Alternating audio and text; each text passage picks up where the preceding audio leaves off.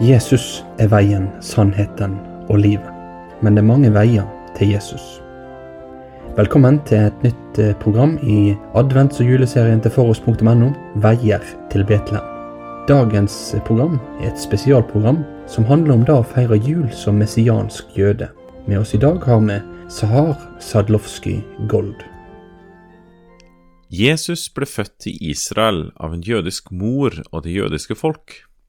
Hans eget folk anerkjenner imidlertid dessverre ikke hans fødsel som noen viktig hendelse, og langt mindre feirer de den.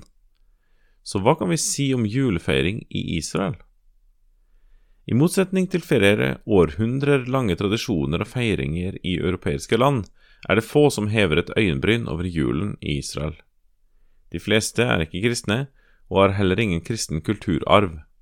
Jo mer man tenker på dette, jo mer innser man at nettopp dette kanskje er det som gjør det så spesielt og autentisk. Hvis man tenker etter, er det aller største med å feire jul i Israel at du lettere kan forstå hvordan den første julen var. Det er jo på mange måter en spesiell kveld i Europa.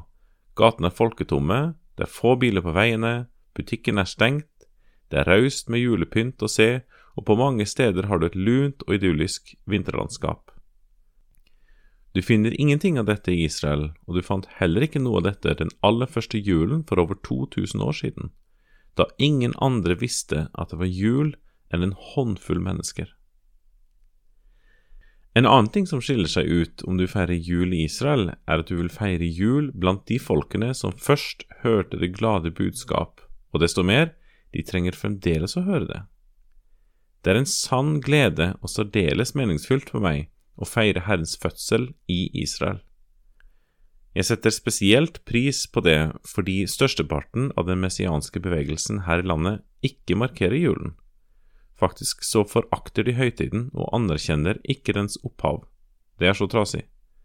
Fins det noen bedre grunn til å feire jul enn at Gud selv ble født og ikledde seg menneskelig skikkelse for oss mennesker og for vår frelses skyld? På den annen side er det en del sekulære israelere som synes julen er forlokkende. Ikke av Messias fødsel, men av atmosfæren de blir introdusert for i filmer og slikt.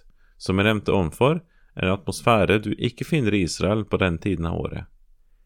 De synes julen er eksotisk, og oppsøker også arrangementer i kirkene gjennom høytiden noe som er en enorm mulighet for oss til å forkynne julens glade budskap til mange ikke-troende israelere.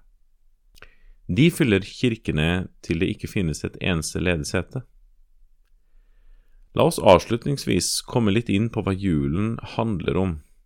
Juleevangeliet er en veldig viktig historie og er en sann grunn til glede, for meg som israelsk jøde og for alle mennesker. Det finnes en kjent antijødisk strofe der det hevdes at Paulus rammet den indre jøden i oss alle i rombrevet, som om det som feiler oss alle, er at det er litt jøde i ethvert menneske. Men for Paulus er det faktisk motsatt. Det som er galt med Israel, er at Israel også er av Adam. Gud skapte den første Adam til å være et utspring som alle mennesker stammer fra gjennom hele verdenshistorien, og vi mennesker korrumperte livets kilde. I juleevangeliet hører vi derimot om den annen Adam, som Gud sendte til oss, Messias, født i Betlehem, for å vaske oss ren fra vår korrumperte natur, og for at han skulle bli vår livs nye kilde for alle mennesker. I juleevangeliet hører vi derimot om den andre Adam, som Gud sendte til oss, Messias, født i Betlehem for å vaske oss ren fra vår korrupte natur, og for at han skulle bli livets nye kilde for alle mennesker. Vi som tror og er døpte, får ta del i denne livskilden. Vi blir så forenet med det lille guttebarnet som ble født i Betlehem gjennom dåpens store gave, at Martin Luther en gang sa at vi skulle se på oss selv som på jomfru Marias fang, som korsfestet og som oppstått igjen. I disse dager gleder vi oss over Israels Gud, en frelsende Gud som ga sin egen sønn for at vi skulle ha evig liv. Han som himmel og jord ikke kan romme, ble lagt i en krybbe for oss. Han ble et menneske for mennesker, og hver søndag kommer han til oss i brød og vin i nattverden og skjenker oss gaven han vant for oss, tilgivelse for syndene våre, liv og frelse. Måtte mitt jødiske folk her i Israel, de som bryr seg så lite om den dyrebare gave som ble gitt oss den første julen, ved Guds nåde vende hjertene sine i tro til Ham som de i dag ikke gir akt på, Ham som de har gjennomstunget. Må Herren åpne deres øyne, så de kan få se den skjulte Kristi herlighet i hans ringe fødsel, fordi det var for dem han kom først, for å oppsøke dem og frelse dem. Må Gud bruke sin kirke i Israel, og da særlig den lutherske kirken, til å bringe det klare og rene evangeliet til det folket som først førte det videre til alle riker og land. Gud er allerede virksom blant oss.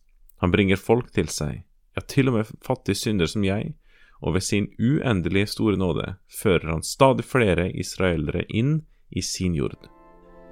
Gledelig jul. Takk for at du fikk med deg denne episoden av Veier til Betlehem. Dette var en spesialepisode som handler om det å feire jul som messiansk jøde. Og det var Sahar Sadlovskij Gold som sto bak teksten som du nå har fått hørt. Teksten er innlest av Øyvind Ruud Kringstad, og intro- og outro-melodi er melodien til Gå varlig fram mot Betlehem, skreven av Gunnar Melbø. Den er spilt inn til oss av Christian Heian. Vi i Forhåndspunktum.no vil ønske deg ei riktig god julehøgtid. Måtte dette få være ei høgtid der du får møte Han som kom for oss.